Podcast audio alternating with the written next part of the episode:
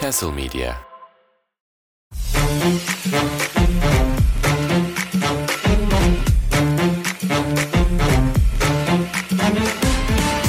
Castle Medya'nın sunduğu Şişkavuz Kast'a hepiniz hoş geldiniz. Her zaman olduğu gibi bu haftada Savaş Birdal'la birlikteyiz. Savaş hoş geldin. Harika bir basketbol haftası diyorum. Abi gerçekten harikaydı. Bu açılışla benimle şey yaptın böyle bir yükselttin beni ya. Bu ne keyifli bir açılış. Çünkü çok keyifli bir basketbol haftası Savaş. Gerçekten güzel maçlar oynandı. Yani Evet. Türk takımları 2'de 0 çekmiş olsa da bu hafta 4 maçı hemen hemen yani full izledik diyelim. E, 4 maçta bence gayet iyiydi yani. yani. Fenerbahçe biraz yelkenleri kolay indirdi, suya saldı ama e, genel olarak kaliteli bir basketbol izledik. Ee, Asvel Fenerbahçe maçı esnasında ben sosyal medyaya hiç bakmadım. Telefonum elimden alındı. Bu arada çok da selam söyledi sana. Eşim Zeynep. Aleykümselam abi. Madem maçı konuşacaksın, madem yayın yapacaksın, bırak şu telefonu cagır cugur Twitter'da gezme. Sağa sola bakma. Adam gibi maçına bak, notunlarını al dedi. Ben de öyle yaptım. Ve bir baktım abi çok acayip. Çok mantıklı abi. Ee, şey Panathinaikos Zalgiris ikinci yarı skoru 62-24 mü? Öyle bir şey mesela yani Evet. Hiç kimsenin ya dünyada bu, bu hafta en az takip edilecek Euroleague maçı olabilir ama acayip bir maç olmuş. Bugün Partizan Kızıl Yıldız maçı baya baya iyiydi. Onun hakkında ayrıca konuşacağız. Ve günün kapanışı Baskonya daha iyi attı ve kaçırdıklarını topladı diyeyim. Ve genel olarak haftaya baktıktan sonra Baskonya Efes maçı Efes'in dördüncü çeyrekte dahil olmak üzere farkı 10 sayılarda götürdüğü bir maç ikinci çeyrekten itibaren. Fakat yine bir son çeyrek krizi, yine bir geri dönüşe izin verme ve Baskonya galibiyeti. Nedir maçla alakalı düşüncen?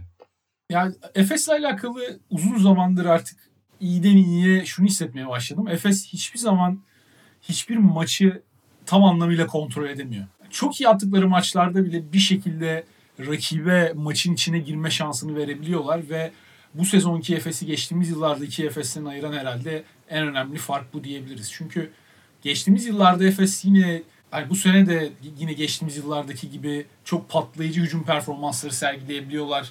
İşte bir akşam oluyor, Clyburn çıkıyor 30 atıyor, yok Misic çıkıyor atıyor.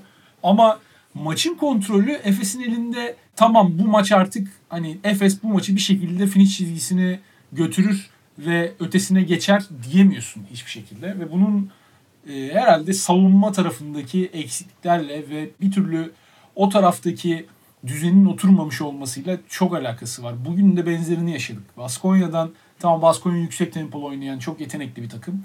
Ama Baskonya maç bu senin söylediğin 8-10 bandına her geldiğinde bir şekilde 3-4 sayılık bir seri buldu ve maçın içinde kaldı ve Efes oralarda göstermesi gereken direnci kesinlikle gösteremedi. Yani Matt Costello muazzam bir maç oynadı zaten. Ondan bahsederiz. 33 sayı. Geçtiğimiz hafta Otello Hunter'ın yaptığı mini Dirk Nowitzki veya böyle mini Jokic benzeri performansı bu hafta da Costello'dan izledik. Orası Efes'e çok e, zarar veriyor yani. Çok canını acıtıyor Efes'in. Dışarı açılabilen ve dışarıdan tehdit yaratan uzunlar hem içeriden hem dışarıdan Costello özelinde. Yani Hunter'ın geçen hafta çok içeriden tehdit yarattığını söyleyemeyeceğiz ama o da dışarıdan çok büyük tehdit yaratmıştı. E, bu tip uzunlar Efes'in elindeki mevcut savunma opsiyonlarına çok ters geliyor. Hem Plyce'a hem Zizic'e. Bu sebepten ötürü Efes çok büyük sıkıntı yaşıyor burada ama tabi sadece iş uzunlarla da sınırlı değil. Yani kısalar da hiçbir şekilde kimseyi durduramadı Efes'te. Böyle olunca da biraz iş Rus ruletine bağlanıyor. Yani sen sıkıyorsun denk gelmiyor, rakip sıkıyor denk geliyor. Sonda da tam olarak öyle bir senaryo oldu. Yani tam bir kaos maçı oldu sonda. Yani kaos derken bunu kötü manada söylemiyorum ama kime patlayacak diye beklerken Efes'e patladı ve bir anda oldu bittiye geldi. İşte Larkinson şutu soksaydı Efes maç alıp gidebilirdi de. Ama işte sezon genelinde Efes'in en büyük derdi hep işlerin buralara gelmesi. Ve buralarda da iş 50-50'ye geldiğinde e, rakip de kazanabiliyor ki geriden gelip maç eşitleyen ve uzatmaya götüren bir Baskonya'nın da momentumu orada elinde bulundurduğunu söylemek lazım. Evinde de oynadıklarını düşünürsek. Ve e, Baskonya açısından da bir yandan enteresan istatistiklerin maçı. Giedraitis 18 rebound, Darius Thompson 16 asist. Tamam 114-111'lik bir maçta takımın oyun kurucusunun 16 asiste ulaşması en azından anlaşılabilir ama Giedrait ise 18 rebound ve bunların 6 tanesi hücum reboundu. Şöyle şimdi herhangi bir oyunda gücün sona gelir. Aslında oyunu iyi oynuyorsundur. Lan dersin şurayı bir geçeyim. Tekrar bir 10 dakika uğraşmayayım. Böyle yavaş yavaş rakibin zaaflarına oynarsın ve kaçarsın yani bir yandan. Baskonya onu yaptı. Efes'in ikili oyun savunması kötü. Durmadan bunu Costello üzerinden değerlendirdiler. Costello ya topu tepede aldı, devrildi, smaçladı. E, üçlük yüzdesi zaten iyi bir oyuncu ama bu maç ekstra iyi attı. Efes'in bir kere işte savunmasındaki o en büyük delik ikili oyunlardaki adam değişim savunması. E bunda bazı oyuncuların savunmada efor eksikliği de ekleniyor. Öyle olunca da yani devrilmeyi hızlı yapabilen uzunlar çok büyük tehdit yaratıyor. Bunu da Efes 2 haftadır yaşıyor bu sıkıntıyı. Yani Allah yardımcısı olsun diyeyim. Yani bu saatten sonra nasıl düzelecek bu iş? Çok büyük bir zaaf haline geldi ve sona yaklaşılıyor. Hani bir yerlerden Efes kadrosu kendini bir yerlerden playoff'a atacak kadro bir değil. Bir yerlerden atma noktasına gelirse iş yani rakipleri Real Madrid Barcelona ikisinden biri olacak gibi duruyor. Belki hani Fenerbahçe işte Olympiakos'ta ilk ikide üçte bitirebilirse onlar da olabilir ama sağ avantajı elinde olmadan tabii zor bir eşleşme olacak. E tabii ilk 3'ten 4'ten gelen takım da karşısında Efes'i ister mi? İstemez. Ama Efes böyle oynarsa da seriye favori olarak başlamayacağı kesin. Herhangi bir rakibe karşı. Yapamayacakları bir şey değil. Efes'in oradan gelip yani Milano'yu da geçen sene sağ avantajı olmadan elde Efes. Yine yapabilecek bir takım. Ama şu ana kadar elimizdeki bütün doneler Efes'in bu sezon hala üstesinden gelemediği e, zaafları olduğunu gösteriyor ve süre de azalıyor gitgide. Yani kaçıncı haftayı bitirdik? 22. haftayı bitirdik. Pardon 22 değil 21'i bitirdik galiba. 21. 21. hafta evet. Evet yani 21'i bitirdik. Sezonun artık son düzlüğüne giriyoruz. Efes bir şey gösterecekse buralarda göstermesi lazım. Ben bir de savunmada savunmayla beraber bir noktaya daha dikkat çekeceğim.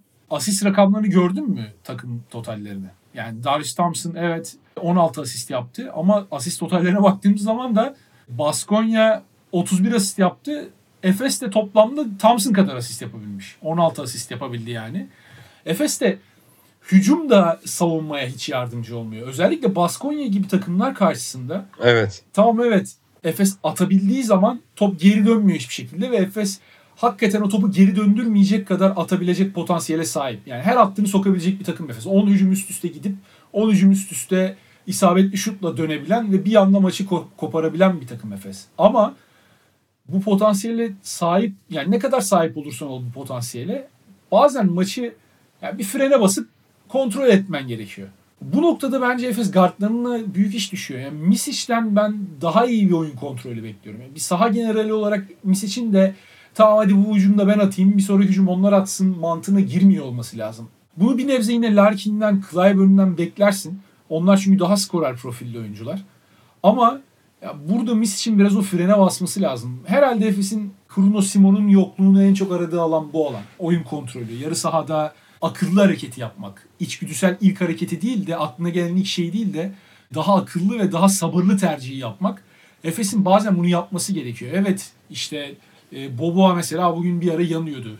Perdeden çıktığı gibi kaldırıyor atıyor ama bazen de 7-8 sayı önündeysen perdeden çıktığında kaldırıp atmaman gerekiyor. Yani rakibe biraz daha acı çektirip biraz daha o topun dönüşünü de düşünmen gerekiyor. Çünkü sen perdeden çıkıyorsun işte Boboa uzun bir adım geride Boboa kaldırıyor atıyor ama o rebound girmediği takdirde uzun bir rebound olarak sekerse serbest atış çizgisi civarında bir rebounda dönüşürse e bu sefer Baskonya'da o topu aldığı gibi bir anda çok kolay sayı buluyor Efes potasında. Burada daha ziyade Efes'in en kolay sayıyı bulacak şekilde hücum etmesi gerekiyor ve Efes'in bu sezonki probleminden problemlerinden bir tanesi de Efes en kolay sayıyı bulamıyor bu sezon. Ya Efes'in hücumunda dış atışlar her zaman oldu. Birebir üstünden dış atışlar da her zaman oldu. Bu hatta hücumun önemli parçalarından bir tanesiydi. Ama bu sezon bunu çok yoğunlukta görüyoruz. Asist rakamlarının da düşük olmasının bununla çok alakası var. Yani Clyburn de çok isolation'a dayalı oynuyor. Zaman zaman Misic de ben geçen senelere göre daha çok birebir oynadığını düşünüyorum. Larkin'le alakalı şimdi günahını almak istemiyorum bu konuyla alakalı. O daha yeni katıldı çünkü takıma. Onu ona biraz daha zaman vermek lazım. Biraz daha gözlemlemek lazım.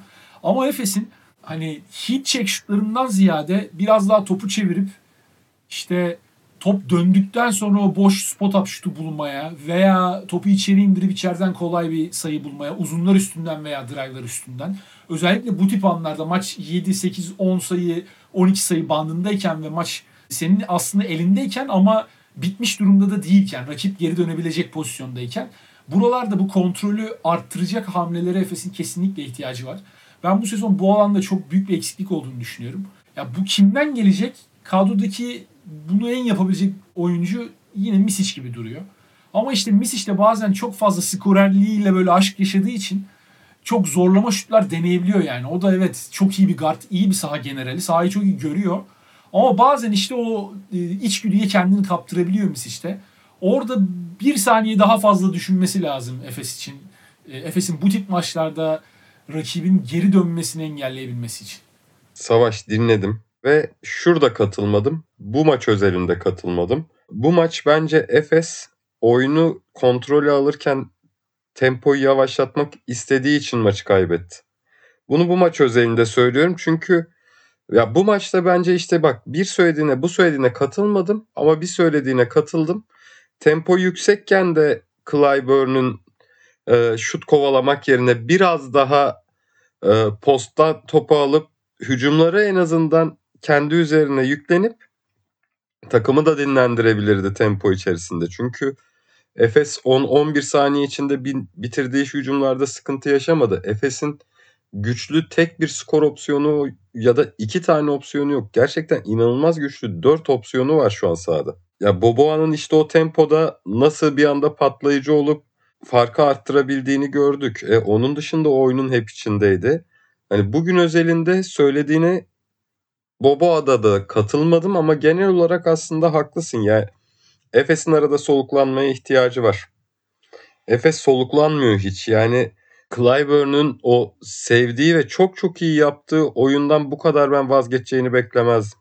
Yani hücum stratejisi anlamında da ben kimsenin aksini talep ettiğini de düşünmüyorum. Çünkü Clyburn'un sırtı dönük oyunları gerçekten çok kıymetli. Çok çabuk topla dönebiliyor. Çok kolay sayıya gidebiliyor. Baskonya pot altı savunmasını e, Efes çok iyi attı maçın içinde. Aynıydı bir ara üçlük sayıları iki takımın ve skor anlamında hiçbir sıkıntı çekmiyordu. Yani Baskonya'nın en böyle o birebirlerde en presi arttırdığı zamanlarda bile o Larkin ya da Mitch için kolay bitirişlerini gördük. Ama o oyundan dönerken bence Baskonya'nın istediği oldu ve o, o frene basış bence bu sefer işe yaramadı. Ben bu arada frene basmayı e, hücum süresini öldürmek veya daha ağır hücum etmek anlamında söylemiyorum. Daha doğru karar vermek manasında. Evet evet. Clyburn'un post-up oyunu mesela bu e, yolda önemli bir opsiyon olabilir aslında Efes. Haklısın. Özellikle haklısın. Clyburn'un double da getirebileceğini düşünürsek üstüne o dikkati çekerse Clyburn'un pasları da verebilen bir oyuncu. Buradan çok daha kolay sayılara gitme şansı da olabiliyor Efes'in. Clyburn o oyunları oynadığı zaman veya Clyburn kendi de bitirebiliyor. Ama işte Efes yanlış kararları verdi. Yani ben hani tempoyu kontrol etmekten kastım aslında Efes iyi döneminde de yavaş tempoda veya hani atmaktan çekinerek oynamıyordu ama top bundan çok daha iyi dolaşıyordu kesinlikle ve Efes çok daha emin bir şekilde sayı buluyordu. Bugün mesela oynanan oyuna baktığın zaman ben Efes'in attığı sayıları çok hani bu kesinlikle girecek şeklinde attığını düşünmüyorum bu sayıların bir çoğunluğunu. Ya yani Efes bugün yandığı için e, 114 sayı attı maçın yanamadığı bölümlerinde de maçı verdi gitti işte. Ama işte o aradaki farkı ki o arada da atıyordu. Kontrol etmek, o, o hata da, payını düşürmek önemli. O arada da atıyordu. Hani Baskonya bu farkı mesela maçı uzatmaya 2 dakikalık seriyle getirmedi gibi oldu yani. Yavaş yavaş işte Efes 2 attı, Baskonya 3 attı. Efes bir serbest atış kaçırdı, Clyburn'la Baskonya 3 attı. Bir yerde bir ikilik üstüne işte bir yerde bir seri vurdular. Maç uzatmaya gitti. Ya Efes'in atma anlamında ya bir de işte Henry'nin yokluğu o dış savunmasını etkiliyor. Bu arada Henry'nin mazlum duruşu hakkında ne düşünüyorsun Savaş? Henry tam böyle suç işlemiş köpek köpek videoları oluyor yani YouTube'da. eve giriyor böyle sahibi kim bu yastığı parçaladı yedi diyor. İki tane köpek var bir tanesi böyle gözlerini aşağı devirip bakıyor. Henry de tam o suratı gördüm ya bugün şeyde e, maç sırasında kamera zoomladığında. Artık ne yaptıysa bilmiyorum ama. Ya yaptıysa da ne yapalım artık günah boynuna ya. Çok mutsuzdu ya. Çok mutsuzdu ya. yani bütün gözlerin üstünde olduğunu da biliyor ya. Sıyrılamıyor yani işin içinden. Kafa gitmişti. Yani gözler maçta kafa başka yerdeydi. Kapşonu falan çekişte harbiden mazlumluğu yansıttı. Yani kısmetse olur Sedat'ın rap klibinde oynatırım. Şu anda. Anlamadığım kodlara giriyorsun. Ben o yüzden buralarda e, cevap veremiyorum sana. Peki Efes'in önümüzdeki fikstürüne bir bakalım. Önümüzdeki haftalarda nasıl toparlar Efes önümüzdeki birkaç maçta? Çünkü Zalgiris maçı da Zalgiris bir anda playoff takımı oldu çıktı başımıza. Bu hafta kötü bir mağlubiyet aldılar Panathinaikos karşısında. İkinci yarıda inanılmaz bir seri yediler ama her zaman tehlikeli bir takım olacak e, intibası yarattılar. Fenerbahçe maçında da yakından izleme şansı bulduk. Sonrasında da Efes Olympiakos'a gidiyor ve sonrasında içeride Real Madrid'le oynayacak. Bu 3 haftalık 3 tane playoff sıralamasında olan takımla şu an oynayacak e, oldukları bir fikstürü var.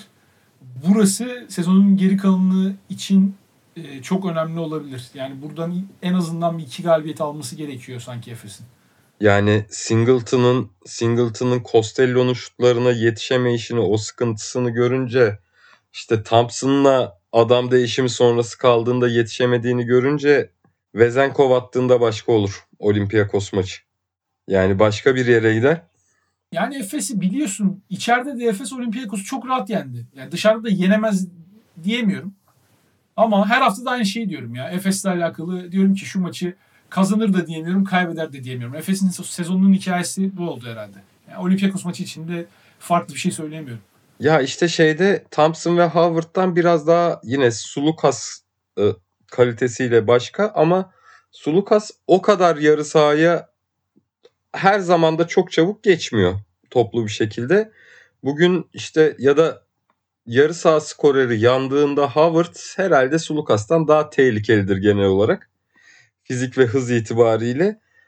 Biraz işte o tempo kontrolünü Efes yakalayabilirse kazanır ama Efes çok fazla boş şut veriyor. Bence bugün maçın genelinde şeydi Baskonya oyunu kazanan taraftı. Atıyordu yani iki tarafta. Bir tane Larkin düştüğünden sonra salondan ya tamam attınız hadi alın gidin isyanı çıktı. Ya çünkü takım iyi oynuyordu. Ya dedi tamam hani bunlar çok güçlüymüş ya dedi. Yani iki tane şey söyleyeyim kapatacağım. Çok böyle polemik gibi oldu. O Clyburn üzerinden sırtı dönük oyunlar vesaire orada aynı şeyi söylüyoruz aslında. Efes belli ki hızlı oynay- oynayabiliyor. Bunu çok rahat yapabiliyor. Bunu biraz daha çeşitlendirirse bambaşka bir takım çıkar. Yani benzettiğim tek bir takım var aslında. Durant'li Golden State. Aşırı inanılmaz bir hücum potansiyeli. Ama bu kadar savunmada çöküş ve şimdi mesela Baskonya'nın 3 galibiyet gerisinde şu an Efes. Çünkü 2 maç artı bir de ikili averajı verdi. Bir anda hani zorlasan zorlasan çıksan 7'nin üzerine çıkamayabilirsin Baskonya'ya takıldığın için. Böyle ihtimaller, böyle sıkıntılar da doğuyor Efes'te. Yani bu ikisini biraz şey yapayım dedim. Hani bu kadronun sezon hedefi de 21 maçta %50'nin altında kalmak kesinlikle olamaz. Ortada genel olarak büyük bir sıkıntı var. Aslında onu demek istedim. Evet kesinlikle. Yani Larkin en azından fena durumda değilmiş gibi gözüküyor. Problemlerin bir kısmını en azından daha da fazla atarak o çözebilir önümüzdeki dönemde. Ama savunma bu seviyede kaldığı sürece bu tek maçlı eleme e, formatında özellikle hani Final Four'a gitme hı hı. durumunda ondan bahsediyorum. Sıkıntı olacak. Orası da kesin. Playoff'ta da çok büyük sıkıntı olacak. Evet.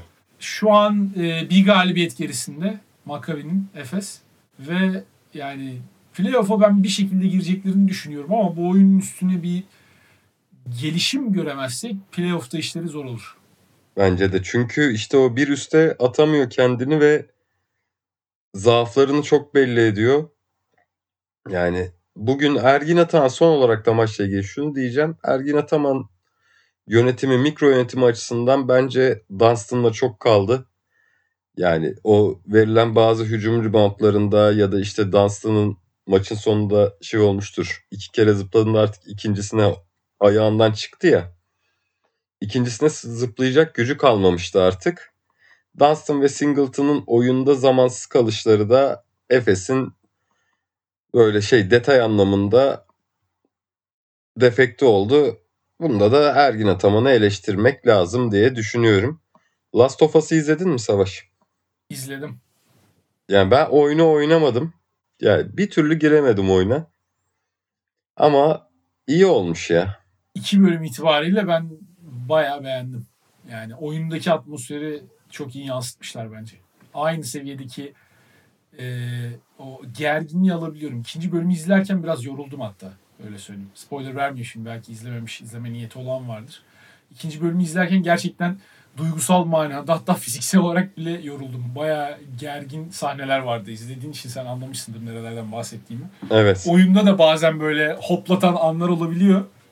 O e, hissiyatı gayet iyi yansıtmışlar ve oyunculuklar da çok güzel. Zaten e, ya başroldeki iki isim de bence cuk oturdu o rollere. O açıdan şimdilik çok keyifli iki bölüm itibariyle. Üçüncü bölüm için de çok iyi olacak diyorlar. Sezonun en iyi bölümü falan diye okudum bir yerlerde. Bakalım onu da merakla bekliyoruz. Süper abi. Şey diyeceğim. Ee, ben genelde e, yabancı erkek oyuncuları ya da kadın oyuncuları çok tanımıyorum. Çok popüler olmadıkça. Aslında bu abi inanılmaz popüler ama ismini bilmiyorum. Merak edip de bakmıyorum yani. Kusura bakmayın. Ee, benim en sevdiğim benim en sevdiğim erkek oyunculardan biri ya. Hakikaten. Abi en sevdiğin erkek oyunculardan birinin adını nasıl bilmiyorsun ya?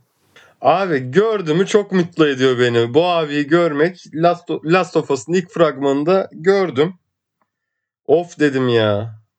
Budur dedim ya. Bu dizinin kötü olma şansı yok. Nedir adı? Pedro Pascal. Tamam biliyormuşum. Çok okumuşum ama isimle fotoğraf meçleşmemiş. Harika gidiyor. Yani çok mutlu oldum böyle bir dizi izliyor olduğum için. Bizim bilim kurgular çok mistik kalıyor baba. Bak ne güzel ya. Bilimle harmanladı. Şahmaran'ı izledim. Mm, ya akmıyor ya. Neyse. Bir de Last of Us'ın Last of Us'ın güzel tarafı gerçekten olabilecek hani e, var olan bir işte mantarın mutasyon geçirip insanda üremeye başlamasıyla falan ya o orijin hikayesi de bana daha ilgi çekici geliyor diğer zombi e, şeylerinden, dizilerinden, filmlerinden. Tabii tabii. Ya Endonezya'da Endonezya'da mantar hikayesi süper abi. Olur. Gördük. Peki Çin'de abi düş- istiyorsan Çin'de istiyorsan düşen adamları geçelim. gördük. Olur abi. Olur abi. derbilere geçelim. Bugünkünden başlayalım. Kızılyıldız Partizan maçıyla başlayalım. Ee, maçla ilgili şunu diyeceğim. İki takım da maçın sonuna mental olarak nasıl güçlü kaldı ya? Ben oyuncuların o yönünü çok takdir ettim. Aşırı konsantrelerdi. Abi iki takımın da canını yani dişine takarak oynadı bütün maçı. Ben gerçekten maçın sonunu her tarafın sağ görebilmesine de şaşırdım biraz. Çok da maçta böyle gerginlik çıkacak havası vardı ama çok da temiz bir maç oldu. Çok kaliteli bir maç mıydı? Hayır ama bana çok keyif verdi. Açıkçası Real Madrid Barcelona maçından daha çok keyif aldım bunu izlerken. O kavga dövüş de çok tam limitinde idi ama vardı ve o fiziksel rekabeti de gördüğün zaman kesinlikle basketbol daha keyifli bir hale geliyor.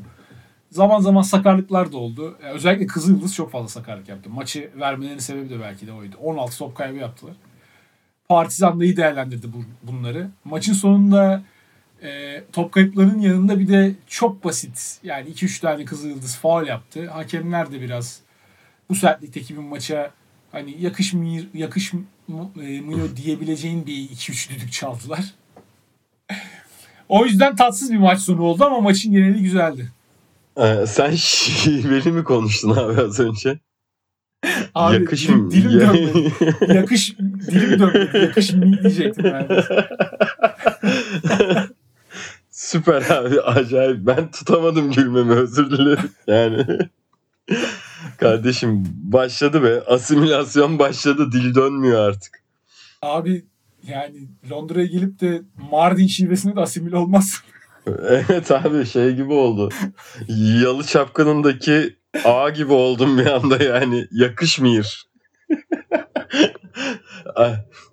abi ben dediğim gibi e, ben dediğim gibi hani maçın genelinde maçın genelinde gerçekten kusursuzluğa ya iki takım da gerçekten çok temkinli oynadı. Partizan işte Partizan işte ikinci çeyrekten itibaren bir gaza bastı. İşleri yoluna koydu. E, Kızıl Yıldız yakalamaya çalışırken yine savunma dozajı mücadele çok sertti. Bir de işte hani gerginliği hissedebiliyordum maçta ama oyuncuların yönettiği derbi maçları bence daha keyifli oluyor. Atmosfer anlamında sahadaki rekabeti, sahadaki hırsı, e, bir yandan da sportmenliği hissetmek bence şu çağın sporunun en çok ihtiyaç duyduğu şey. Sağ dışı polemiği, sağ dışı polemiği maçın dışına kalsın. Yani maçın içine etki eden herhangi bir sağ dışı olayına tahammül yok bence artık. Bir Belgrad derbisini de sportmenlik açısından öveceğimiz çok aklıma gelmezdi ama onu da yapmış olduk. Benim en çok dikkatimi bu maçta Nedovic'in performansı çekti. Ee, sezonun ilk maçında Kızıl Yıldız deplasmanda kazanırken felaket bir maç oynamış. 7'de 1 ya da 8'de 1 atmıştı. Son o bir şutu da son saniyede atıp maçı kazandırmıştı. Burada da muazzam bir maç oynadı. Sonra gitti en kritik hücumda belki de ayağa kaydı düştü. Topu Partizan'a teslim etti. Tam tersi oldu. Sonuçta tam tersi oldu zaten. O açıdan Nedovic'in performansı biraz ilginç geldi bana. E, Vildoza'ya değinmem lazım. Yani muazzam bir maç oynadı bence. Maçın en iyisiydi Kızıldız adına. Yani Nedovic de iyiydi. Vildoza da iyiydi. Bunların yanına bir de Campazzo ekleyince nasıl bir Kızıldız çıkacak ortaya? Onu çok merak ediyorum. Yani onu kesinlikle izlemek gerekecek. Campazzo artık son 9 hafta mı 10 hafta mı oynayacak? Emin değilim. O 9-10 haftada Kızıl Yıldız'ı yakından izlemek gerekecek. Umarım playoff'ta olurlar. Çünkü e, böyle kaliteli 3 oyuncu özellikle sağlamken ve formdayken e, Nedovic ve Campazzo Vildoza, Vildoza ikilisi bu üçlü bence playoff'ta olmalılar ve ben bu oyun oynadıklarında gerçekten oraya çıkacaklarını düşünüyorum. Yani Kızıldız'ı Ivanovic geldiğinden beri çok beğeniyorum. Yarı sahada da açık sahada da bence keyif veren bir basketbol oynuyorlar. E, o yüzden playoff'ta onları görmeyi istiyorum. Partizan da aslında izlemesi keyifli bir takım. Ama işte yani şimdi Partizan tabii Kızıl Yıldız'la eşitlemiş oldu. Ben ama hala Kızıl Yıldız'ın bir adım daha önünde olduğunu düşünüyorum oyun olarak. Çünkü ikili averajı aldılar. Öyle de bir durum var kardeşim. Bir adım önde şeklinde bir şaka yapıp şunu demek istiyorum. Ee, Vildoza potaya bu kadar cesur gitmiyordu bu arada savaş ya. Yani aşırı delici oldu oyun anlamında. Ama onu bence bu maç Exum çok iyi yaptı. Tam böyle bence Obradovic'in kendisi adına ve hani kendi oyun tarzında en iyi uyguladığı şekilde oynadı. Ya iki patlayıcı gardın mücadelesinde izledik. Kazanan da Exum oldu. O sondaki hücum faal ihtimali hakkında ne düşünüyorsun peki? Bak o maç son 47 saniye Kızıl Yıldız 7 fark önde olsa o hücum faali çalarlardı. Bence de çalarlardı. Ben çok emin olamadım. Yani hani kendini 60 da olabilir. Ben yakın e, mesafeden görmedim bu arada. Yani yakın çekimden gösterdim mi? Ben kaçırmış olabilirim o arayı. Pot altından gösterdi 2-3 kere. Hani ya hiç müdahale yok işte tamamen bence uçuş diyemezsin. A- anlaşılmıyor işte yani ne kadar müdahale var ama müdahale varsa çalınmalıydı bence. Evet. E tabii yani dedik. oyun içinde çalmadıkları için onu sonrasında çalamadılar. Oyun tabii, devam tabii. etti. Sonraki bir sonraki pozisyondaki faule bak- baktılar. Yani... Orada hakemler bence biraz şeye yanılgısına düştü. Tam net görmedi hiçbiri ve muhtemelen herhalde kendini attı yeterli temas yok. Zaten son saniyeni bunu kovalıyor gibi bir ön yargıyla yaklaşıp çalmadılar bence. Evet evet. İşte dediğim gibi oyunun akışı Kızıl Yıldız'ın artık o maçı koparacak son savunmaya ihtiyaç olduğu bir dönemde olsa bir hakem galibiyeti getirirdi ya. Şöyle taraftara bir hua yaptıracak bir yumruğa sert vuruş ve hücum faal gösteriş. O kadar aşırı aman aman bir atış yok orada. Çok tiyatro yoktu. Yani ama böyle anlarda da böyle anlarda da ya bir yandan da işte şey hakemin karar vermemesi de güzel ya maça. Öyle ama hakem de orada karar versin diye var. sonuçta. Orada faul varsa çalmalılardı yani. Bu iki kere iki dört. Kesin faul diyebileceğim bir pozisyon değil işte. Bir yandan çok oyunun sertliği içinde de aslında o ortalamada bir hareketti. O yüzden diyorum. Orada o Yo, o şeyi tut- haklısın evet. o dengeyi tutturabilmek yine güzel. Ama hani bakmadım sosyal medyaya ne kadar tartışıldı bilmiyorum. Belki de kimse polemik bile yapmamıştır ama bana çok ortada bir pozisyonmuş gibi geldi. Ben pozisyonları Onu hemen sonra ekleyeyim. Twitter'da bir search yaptım. Bakmak için. Hani belki biri bir görüntü koymuştur vesaire diye tekrarını izleyeyim diye. Bulamadım. Tekrar bakarım şimdi podcast'ten sonra. Ee, O zaman eminim çok tartışılmıştır ya. Sırpça bayağı bir tweet çıkar. %100 eminim ondan. ha şey diyorsun öyle o kadar ya mesela bir Fenerbahçe Galatasaray'ın Euroleague'de oynadığını düşün. Bu pozisyon bir konuşulurdu ya. Bu pozisyon en az iki gün konuşulurdu ya %100. Yani maçın maçın hakeminin maçın hakeminin çaldığı buna benzer 17 tane hücum faal çıkmıştı şimdi ortaya. Lazım ya. Hani bu ara şeyde konuşuluyor ya. Yine bir amatör şubelere para ayırma durumu konuşuluyor ya yine. Bu rekabetler güzel yine de ya. Ekstra bir heyecan katıyor. Bu rekabetlerin olması lazım. Ben e, kesinlikle sporun futboldan ibaret olmadığını e, düşünen bir insan olarak zaten burada 5 senedir basketbol podcast'i yapıyoruz. Ben bu rekabetlerin mümkün olduğunca yüksek seviyede devam etmesi gerektiğini düşünüyorum. Yani keşke Galatasaray'da Euroleague'de olsa. Yani şöyle bir Boris Rizik'in lise yıllığında Fenerbahçe maçlarını izlerdi şeklinde bir haberinin düşüşünü isterdim ya. Bir yandan bu polemiklerin artık klasik hale gelmesi de güzel. O yüzden böyle rekabetlerin kıymetini bilmek lazım deyip bunu artık tam anlamıyla globalleştiren Real Madrid Barcelona basketbol maçına dönelim. Polemik deyince aklımıza gelen dünya çapındaki ilk maç. Evet evet. Yani globalleşen bir rekabet ya. O açıdan kaliteli. Maçla ilgili görüşler. Barcelona kazanıyor derken Lul'un sahneye çıkışı ve uzatmada Real Madrid'in maçı koparıp götürüşü. Neler söylemek istersin? Barcelona için söyleyebileceğim e, şey herhalde tersten Efes. Yani bu takım Efes için hani çok rahat hücumda atıyorlar ama savunmada bir türlü rakibi durduramıyorlar. E, bu da hiçbir şekilde ya hiçbir zaman maçları kontrol edememelerine sebep oluyor dedim. Barcelona için de yani tam tersi geçerli. Savunmada rakibi her zaman durdurabiliyorlar ama hiçbir zaman maçı kopartacak kadar atamıyorlar bu büyük maçlarda. Bu maçta da aynısı oldu. Yani son çeyreğe kadar 3 çeyreği de kazanan bir Barcelona. Şimdi tekrar açtım e, box score önümde. 20-16, 19-16, 20-18. Barcelona, Barcelona Real Madrid'i 3 çeyrek boyunca yendi. 3 çeyrek boyunca 16, 16 ve 18 sayıda tuttu. Ve son çeyrekte gitti maçı uzatmaya götürecek fırsatı verdi e, Real Madrid'e. Yani Barcelona'da bir şeyler eksik. 3 senedir neyin eksik olduğunu e, Pesic de çözemedi. Saras da bence hala çözemiyor. Evet yani bu takım ligin hep zirvesinde veya oralara oynuyor. Ama maçın sonu geldiğinde, o anlar geldiğinde bir şekilde hep maçı rakibin, e, rakibin maçın içine sokacak hataları yapıyor bu takım. Yani bu maçta biraz ben Sertaç'a yazık olduğunu düşünüyorum.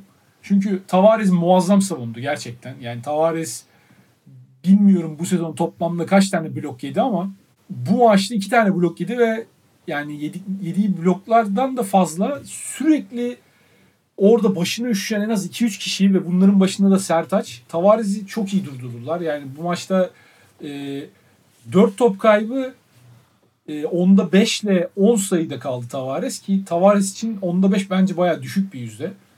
Ama işte yani iyi savunma her zaman da e, şampiyonluk veya işte maçı getirmiyor.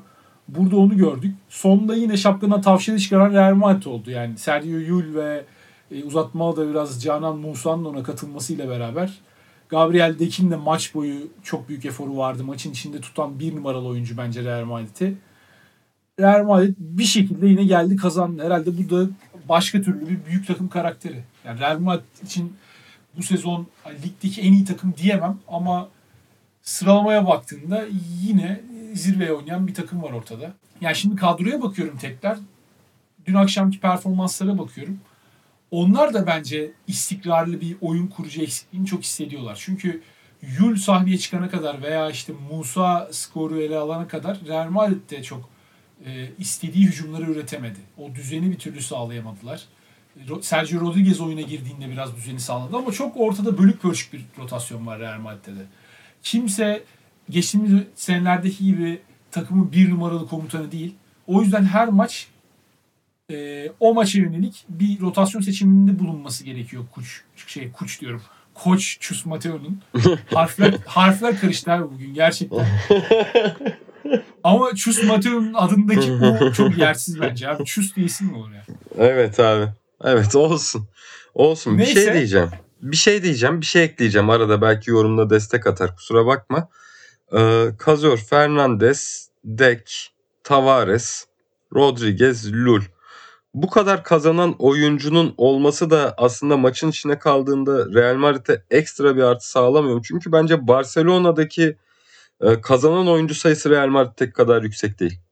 Orası kesinlikle öyle. Yani Barcelona kadrosuna baktığın zaman kazanan oyuncular var evet. Yani Corey Higgins işte bir numara bence o açıdan. Ee, winnerlık açısından CSK kariyeri itibariyle. Kısalara özellikle odaklanıyorum burada. Çünkü topu Hı hı. elinde tutan oyuncuların bu anlarda verdikleri kararlar her zaman için basketbolda uzunlardan daha önemli oluyor. Çünkü servisi yapanlar yapanlar da onlar. Yani yemeği hazırlayan onlar. Uzunlar genellikle çok ekstra bir uzun değilse bitiren, e, yiyen pozisyonda oluyor. Bu işin ekmeğini yiyen oluyor. E, Mirotic'in kariyerin başından beri bu anlarda çok eleştirildiğini zaten biliyoruz.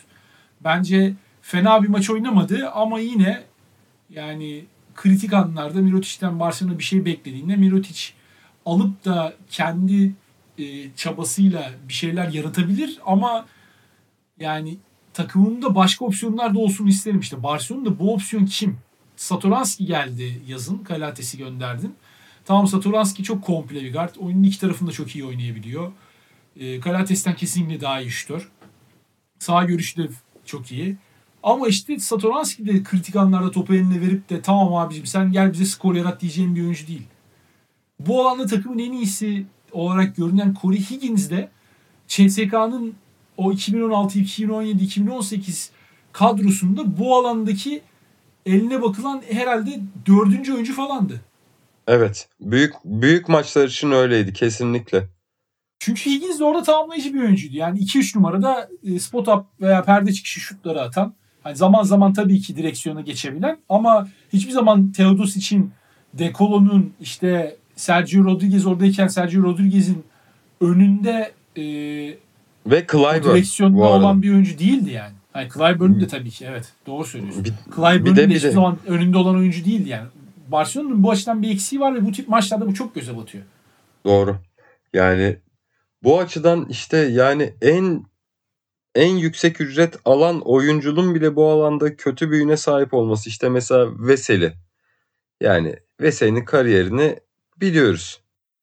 O o en final anlarında son iki senesi hariç Veseli hep sıkıntılı bir oyuncuydu. İşte CSK maçındaki faal problemi gibi hani mental olarak kötü hatırlanacak anılarda kötü kalan e, durumları var. Yani normal izleyicinin aklında nasıl kaldığım bence bu tarz maçlarda önemli.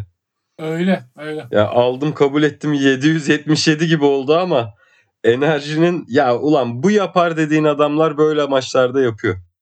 Öyle. Son olarak bir şey söyleyeceğim Barcelona ile alakalı. Sonra e, istersen bir sonraki konumuza geçeriz. Tabii. Ya Yokubaitis'e bu takımda biraz yazık oluyor. Bilmiyorum hayali bu muydu Barcelona'ya geliyorken ama şu an Žalgiris'te olsa o playoff'u zorlayan takımda çok daha keyifli, basketboldan da daha fazla keyif alan ve izleyenlere de daha fazla keyif veren, süresi de çok daha fazla olan ve evinde olan en basitinden. Sonuçta Zalgiris'ten çıkmış bir oyuncu. Bir Yokubaitis bence Euroleague için daha iyi olurdu. Yani NBA'ye artık ne zaman gidecek veya gidecek mi bilmiyorum ama şurada Saras'ın hep ilk vazgeçtiği adamlardan bir tanesi oluyor işte tecrübesiz vesaire diye. Ama ben Yokubaitis'in oynayacağı bir takımda olmasını tercih ederdim. Bu rotasyonda biraz e, gerilerde kalıyor. Yani kalması da belki de normal çünkü hala kendini ispat edecek ben buranın oyuncusuyum ben 25 dakika oynadım burada diyecek performansı istikrarlı bir şekilde sergileyemedi. Keşke Zalgiris oralara çıksaydı da ondan sonra Barcelona mı yapıyor artık başka bir büyük takıma mı gidiyor o şekilde gitseydi. Biraz bence kendini yazık etti. O zıplamayı erken yaptı. Ee, Saras'a fazla güvenip ama Saras da tabii sahadaki performansa bakıyor yani. Babasının oğlu olsa tanımaz. Çok da haksız değil. Mesela işte şimdi iki tane lokal örnek geldi aklıma. Onurak ve Doğuş. Yani rolün üzerine düşe düşe düşe düşe inanılmaz oyuncular oldular Savaş. Yani biri ya ikisi de şu anda 25'li yaşlara daha yakın. Onurak 23, Doğuş 25 olması lazım. Ama mesela potansiyellerinin maksına ulaşmaya yakınlar şu an. O takım lideri rolüne sahip çıka çıka. Dediğin gibi olsaydı kariyer zıplaması açısından da her türlü daha özgüvenli olurdu. Çok katıldım sana. Oyuncu Böyle de bir örnek gelişiyor. vermek istedim. Ya Abi evet. bir yata yata kimse gelişmiyor. Futbolda da Evet. görüyorsun. Arda Güler kenarda oturuyor, oturuyor, oturuyor. Ne oluyor? Yani bir yanda Arda Güler Messi'ye mi dönüşecek veya fiziksel olarak şeye mi dönüşecek? Yani halka mı dönüşecek? Bir anda böyle tişörtü yırtıp da six pack'le mi ortaya çıkacak yani? Oyuncu oynamazsa gelişmiyor. O yüzden genç oyuncuların oynaması lazım. Yokubaitis de hala e, genç yani 2000 doğumlu bir oyuncudan bahsediyoruz. O yüzden bu yaz umarım kendi kariyeri adına doğru hamleyi yapar. Çünkü potansiyeli olan bir oyuncu ve e, yani NBA'ye gitmese bile Euroleague'de bence uzun süreler hani yıldız veya bir altı seviyede oynayabilecek bir oyuncu gibi geliyor bana. Ama burada arkada kalıyor işte. E, birkaç sene sonra bunu bir başka Vezenkov vakası olarak anabiliriz Barcelona adına. Vezenkov da çünkü Barcelona'da rotasyonda çok gerilerde kalıyordu. Çok fazla kendini gösteremiyordu. Hı hı. Sonrasında Olympiakos'ta gitti orada ve her sene üstüne e, birer birer koyarak şu an artık MVP seviyesine geldi. Yokubaitis'ten de bir MVP çıkar mı bilmiyorum ama bundan çok daha iyi bir oyuncu olacağına ben eminim. E, düzenli oynayacağı bir yere gitmesi lazım. İşte Manchester City'ye elendiler ama mesela buna futbolda bir örnek gösterelim. Odegaard. Evet güzel örnek. Yani Odegaard da mesela Ermat'tan ayrılmadı ama kiralık gitti her sene. Sonrasında da temelle ayrılmayı seçti. Ve kendi kariyeri için doğrusunu yaptı. Yani sonuçta Real Madrid Evet. belki de dünyanın en büyük takımı ama Odegaard oynayacağı yere gitmeyi tercih etti. Evet rotasyonun rotasyonun ona maksimum imkanı sağlayacağı en iyi takıma gitti. En en reputasyonu yüksek takıma gitti. Orada o şansı alınca da tam kaliteyi gösterdi. Ya bu durum ya ben işte bir aydır kardeşim Avustralya açıkta Djokovic finali izleyecek diye BSL izliyorum. Ama var ya Savaş inanılmaz. İnanılmaz bak futbol izlemeyi bıraktım. Muhteşem. Yani hava nasıl orada bilmiyorum ama hava kötüdür. Evde kalırsın. Futbolda bak Arsenal maçı da yok. Aç izle. İnanılmaz bir lig. Ben bu sene BSL'yi daha fazla izlemeye gayret ediyorum. Ee, mümkün olduğunca izlemeye çalışıyorum ve gerçekten evet söylediğin gibi e, Haft- haftaya konuşalım. Yani çift maç haftası ama ya da önümüzdeki hafta. Türkiye Kupası için belki ayrı bir program yaparız. Ben de çok belki izliyorum Türkiye çünkü. Kupası'nda Türkiye Kupası'nda Evet, yapalım. program yapabiliriz. Haftaya gündem çok yoğun olacak çünkü. Evet evet. Türkiye Kupası'nda bir program yapalım. Ya son Fener'e buradan geçelim. Fener'e buradan geçelim. Antetokounmpo yerine Bahçeşehir'den Butsiyer transferi. Daha çok ihtiyacı olmaz mıymış Fenerbahçe'nin? Pot altı Yani savunmasında Antetokounmpo öyle bir noktada geldi ki Antetokounmpo bu arada ya benim ondan geldiğinde ilk beklentim hücumda bir lob tehdidi yaratmasıydı. Kalates'le beraber Hı hı. oynayıp işte pot altında onun e, aleyhüp paslarını vesaireleri bitirmesiydi. Ama yani Kalates Antetokounmpo geldiğinden beri zaten ortada yok. Ve Antetokounmpo savunmada hiçbir şekilde Euroleague seviyesinde oynayan e, pivotları özellikle ilk 5 pivotlarını savunabilecek fizikte bir adam değil. Yani üflediğin zaman zaten 3 metre öteye gidiyor Antetokounmpo ve her ne kadar kolları uzun olursa olsun o da bir yere kadar. Sen orada yer kaplayamıyorsan ve rakibinin her zaman 2-3 adım gerisinde kalıyorsan en ufak darbede hiçbir şansın yok. Yani Antetokounmpo'da da bunu görüyoruz aslında. Fena bir oyuncu olmayabilir belki ama bu hani geçen sene Asfer seviyesinde de çok bekleneni verememişti bence. Fenerbahçe seviyesinde de çok yedek olarak bile hani Jekiri yaratıyor bana sorarsan. O yüzden beklentileri karşılayabileceğini sanmıyorum. Yani BSL'de oynayan herhangi bir pivot şu an Antetokounmpo'dan daha fazla katkı verebilirmiş. Gerçekten pivot sah- e, fiziğine sahip pivot. Evet benim mesela spesifik olarak çünkü çok fazla izlediğim için Butsiel dememin sebebi şuydu. Aslında bu Fenerbahçe'nin e, yedek pivottaki ihtiyacı. Orta mesafe şutu ve işte switch savunmasında geride kalsan da o içgüdüsel olarak yapabildiğin doğru yerde bulunma ve blok tehdidi. Butsiel bunu yapabiliyor. O yüzden bu örneği verdim. Çünkü çok fazla izlediğim bir yer. Ya eminim Fenerbahçe'nin sezon başında Jekiri ve Antetokounmpo dışında başka ihtimalleri olabilirdi. Bence Fenerbahçe'nin bu zarları daha doğru atabilecek güçte bir yönetim ekibi var. Buralarda Şekilin Fenerbahçe'nin net bir şekilde hissediliyor bu arada. Bilmiyorum katılır mısın Fenerbah- bana ama ne abi? Jekir'in eksikliği net bir şekilde hissediliyor. Evet evet evet evet ve hani Fenerbahçe'nin nasıl ihtiyacı Jekiri gibi pivot da değil ve Fenerbahçe'nin işte yönetim ya da kadro kurma anlamında ya şu daha düşük maliyetli oyuncuyu bence artık daha doğru ve daha izleyerek seçmesi gerekiyor. Ya ben burada Fenerbahçe'de bir eksik olduğunu düşünüyorum. Ya bazen bir sonraki adımı atabilecek adamlara şans vermek önemli. Yani işte düşüşte ve bir zamanlar o potansiyele ulaşmış işte Bennett falan gibi e, tercihleri oldu Gerardin'in ama bu tarz tercihlere bence yönelmek artık basketbol açısından daha sağlıklı. İşte bir üst seviyeye atlattığım Motley'i görüyoruz. Asfer maçında kötüydü ama sezonun en istikrarlı oyuncusu Fenerbahçe için. Faal problemini bir şekilde çözebilse zaten inanılmaz bir hücum silahına dönüşecek. Ama Asvel maçında çok kötüydü. Takımda neredeyse Edwards dışında çok kötüydü. Bence Hayes de oyun anlamında çok kötü değildi ama o çok fazla süre almamaya başladı Itudis'in tercihleri sayesinde. Sen nasıl özetlersin Fenerbahçe'nin maçın başından itibaren tepe taklak giden oyununu? Fenerbahçe ile alakalı söyleyebileceğim şu var. Savunma tarafında kimi ön plana çıkarabilirim gerçekten bilmiyorum. Yani her neresinden tutsan elinde kalan bir savunma. Kesinlikle onu söylememiz lazım. Savunmada kendi yapabileceği savunmaya yaklaşan bir tane bir, bir, bir tane oyuncu bile yoktu. Kalates burada sezon başında her şeyi başlatan adamdı. Ama son haftalarda Kalates tanınmaz halde. Gerçekten Fenerbahçe'nin herhalde en büyük problemi bu. Oyunun iki tarafında da Kalates Fenerbahçe'de o startı veren isimdi. Özellikle Fenerbahçe hücumda Kalates çok arıyor.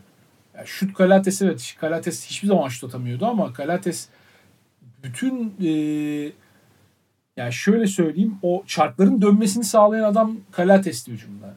Şimdi diğer oyuncuların performansına da bakarsan Motley'deki hani zaman zaman dalgalanan o performansın ki Motley kendi de çok fazla şey yaratıyor zorlayarak kendi iradesiyle veya işte Wilbeck'indeki düşüşün e, Guduric'teki düşüşün ben Kalates'teki düşüşle yakından bağlantılı olduğunu düşünüyorum. Bu Evet. takımda tek bir tane po- point guard var. Tamam Guduric'teki düşüşün biraz başka sebepleri de var. Ona birazdan gelelim. Ama bu takımda tek bir tane point guard var. Ve o point guard sahadayken e, yani Kalates diğer oyuncuları besleyemeyecekse Kalates'in bu takımda olmasının hiçbir mantığı yok. Şu maçı Kalates 2 asist 4 top kaybıyla bitiriyorsa Fenerbahçe zaten kazanamıyor bu maçı.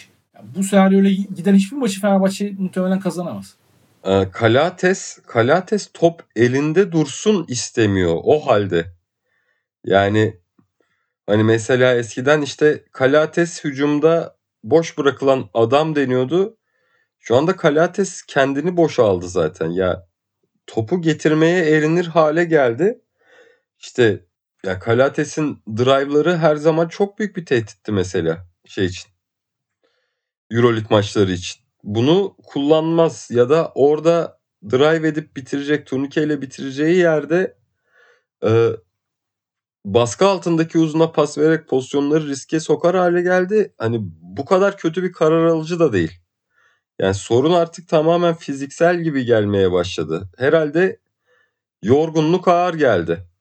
E, Edwards şimdi kıpırdanıyor. Bahçeşehir maçında inanılmazdı. Bu maçta hani benim sezon başından beri hep eleştirdiğim bir şey var. Hani o oyuncu mu, o yetenekte mi onu bilmiyoruz çünkü o kadar kötü şut tercihleri yapıyordu ki hani şey değildi. E, sıkıntı mentaldi, sıkıntı oyun anlayışındaydı. Onu biraz daha çözmüş gibi oldu ama yine Fenerbahçe'nin oyundaki temel ihtiyacı Edwards'ın kendi skorunu üretmesi değil.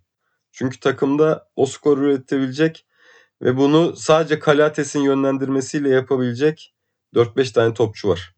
Ya Pierre o topu post-up'ta kendi kendine alamaz yani. Doğru anda ona o topu vermek lazım. Kesinlikle yani Fenerbahçe'nin kadrosunda zaten kendi şutunu yaratabilen oyuncu eksikliği var. Kalates e, bunun çözülmesine yardımcı oluyordu. Oyun kuruculuk görevlerini yerine getirerek. Kalates'in yani performansındaki düşüş dediğim gibi o beslenmeye ihtiyacı olan oyuncuları zaten en başta etkiliyor. Hayes'in performansındaki dalgalanma da bence Kalates'e çok alakalı. Hadi Hayes biraz daha artık özgüveni yerine geldi. Kendi şutunu da yaratıyor. Ama işte Pierre'in doğru düzgün kullanılamaması, uzunların e, iyi kullanılamaması, Wilbeck'in o sezon başında alıştığımız perde çıkışlarında çok net bulduğu şutları bulamaması ve şimdi Kalates'i bu sefer sahadan almak zorunda kalıyorsun. Kalates'i sahadan aldığında da Fenerbahçe'nin kadrosunda şu an Kalates'in ikamesi olabilecek yani Kalates'in yaptığı seviyede yapsın demiyorum bunu. Ama en azından belli bir seviyede guard olabilecek kimse yok. Hı hı. Itudis burada Guduric'e bel bağlamak zorunda kalıyor. Bunun ne kadar doğru karar olduğu tartışılır. Ben ama Ee, burada ben yani- burada ben bir lafa girebilir miyim Savaş? Ee, Guduric konusunda şöyle bir fikrim var. Sonra o konuda senin de yorumunu merak ediyorum.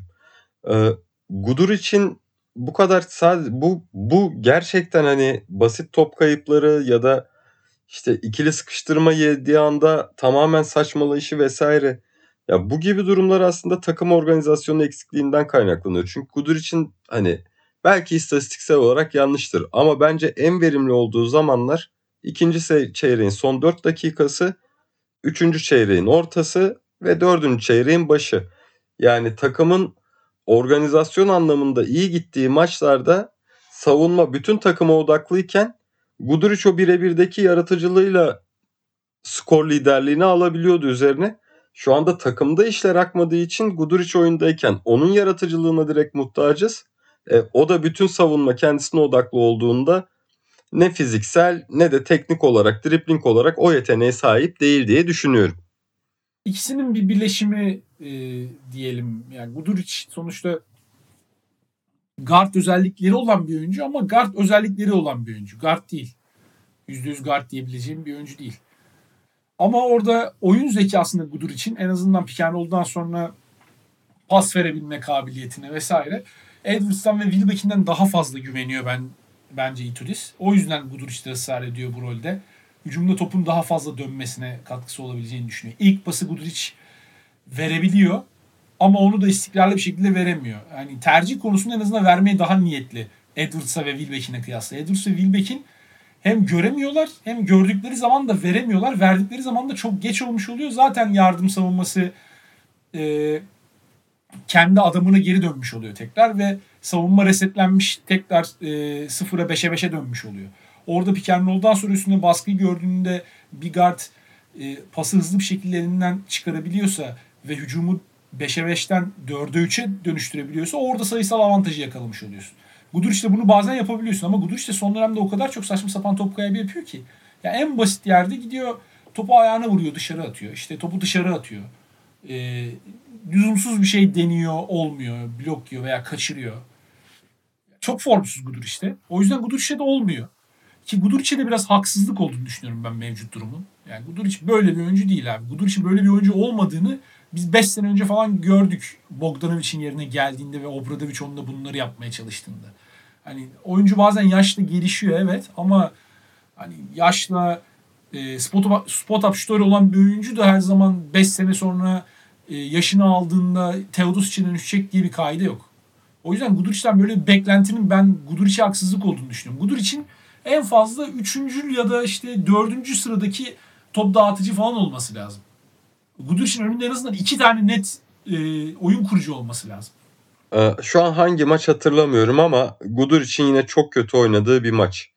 Ee, Bu kır maça iki tane şutunu kaçırarak başladı.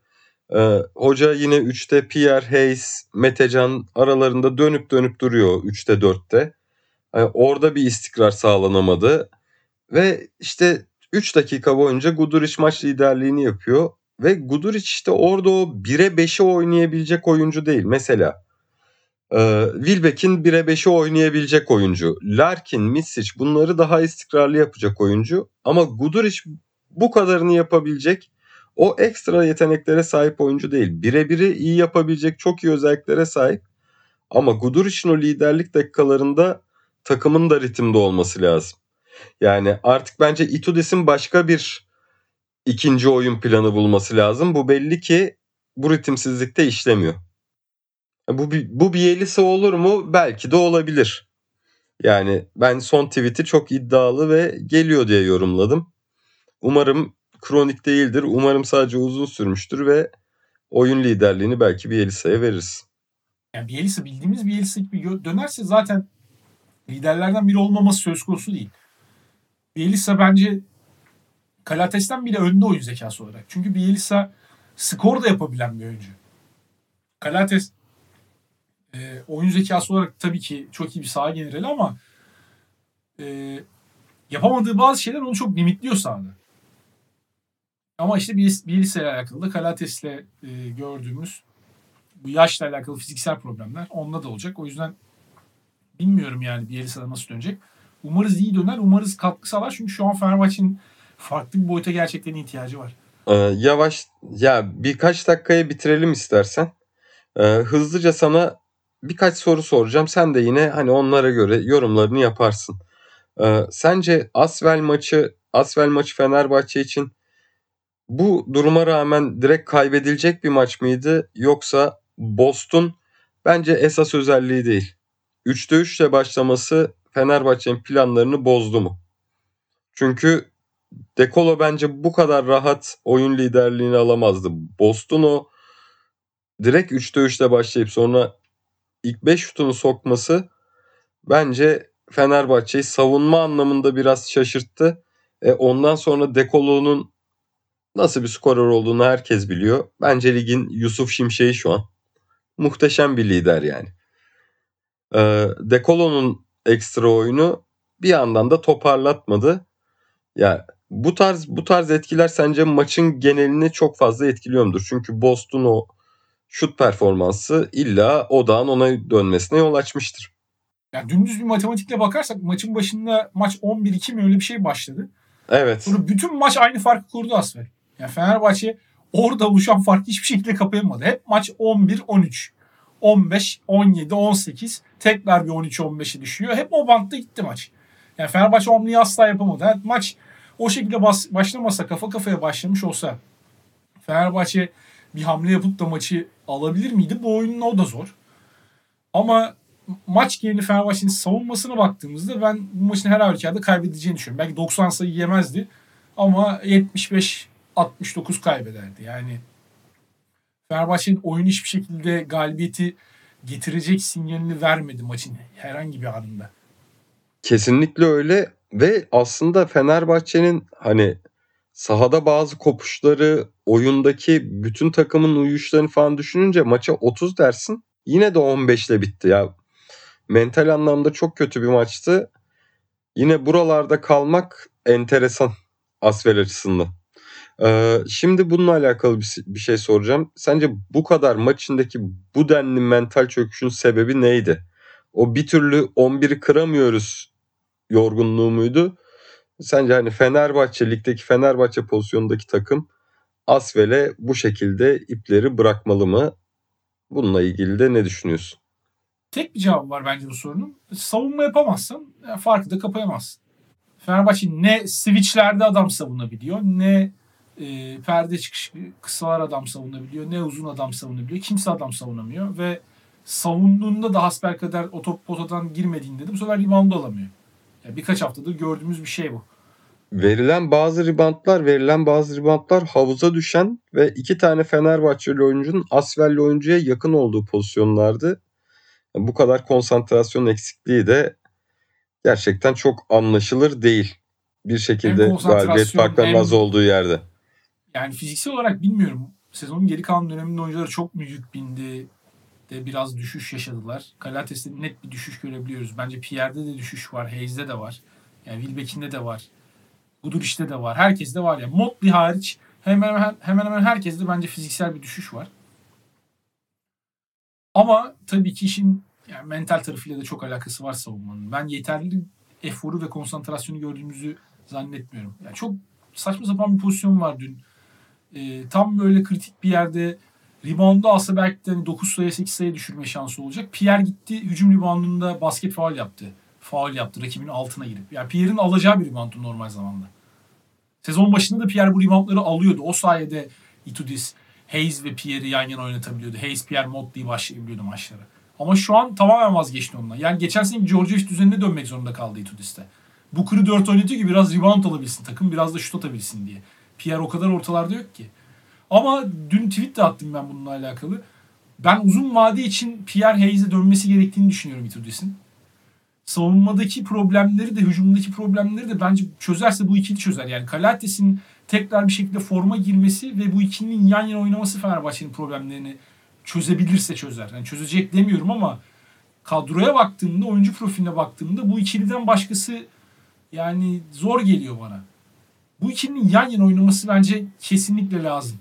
Ee, ve şöyle de bir durum var.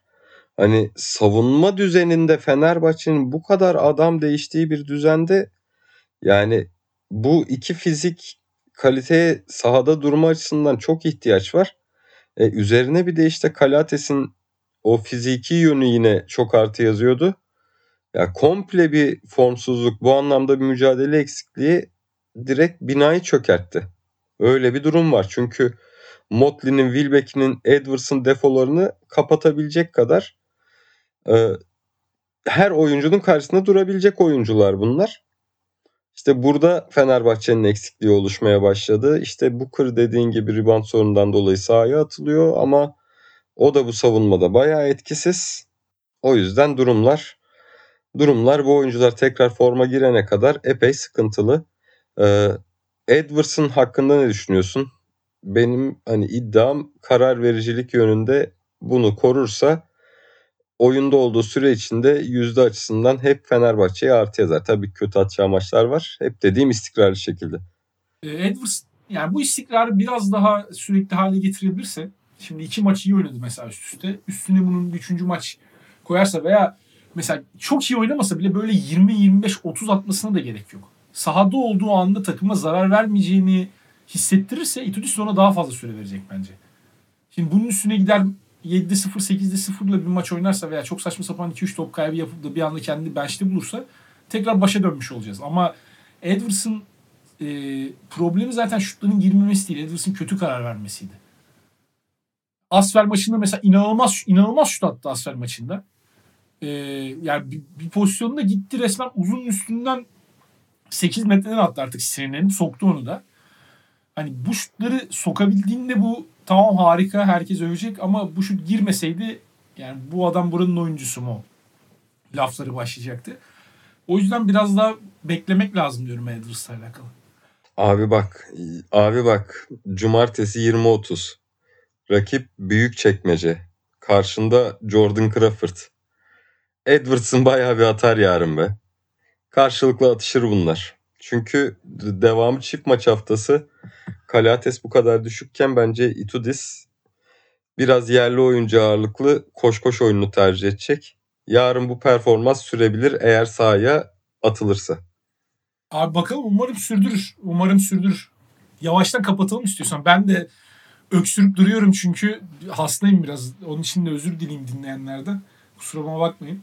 Sen iyi ol da her kusuruna bakarız kardeşim. Eyvallah abi. Abi burada ölüyorum bitiyorum ya. Bir saat beş dakika olmuş.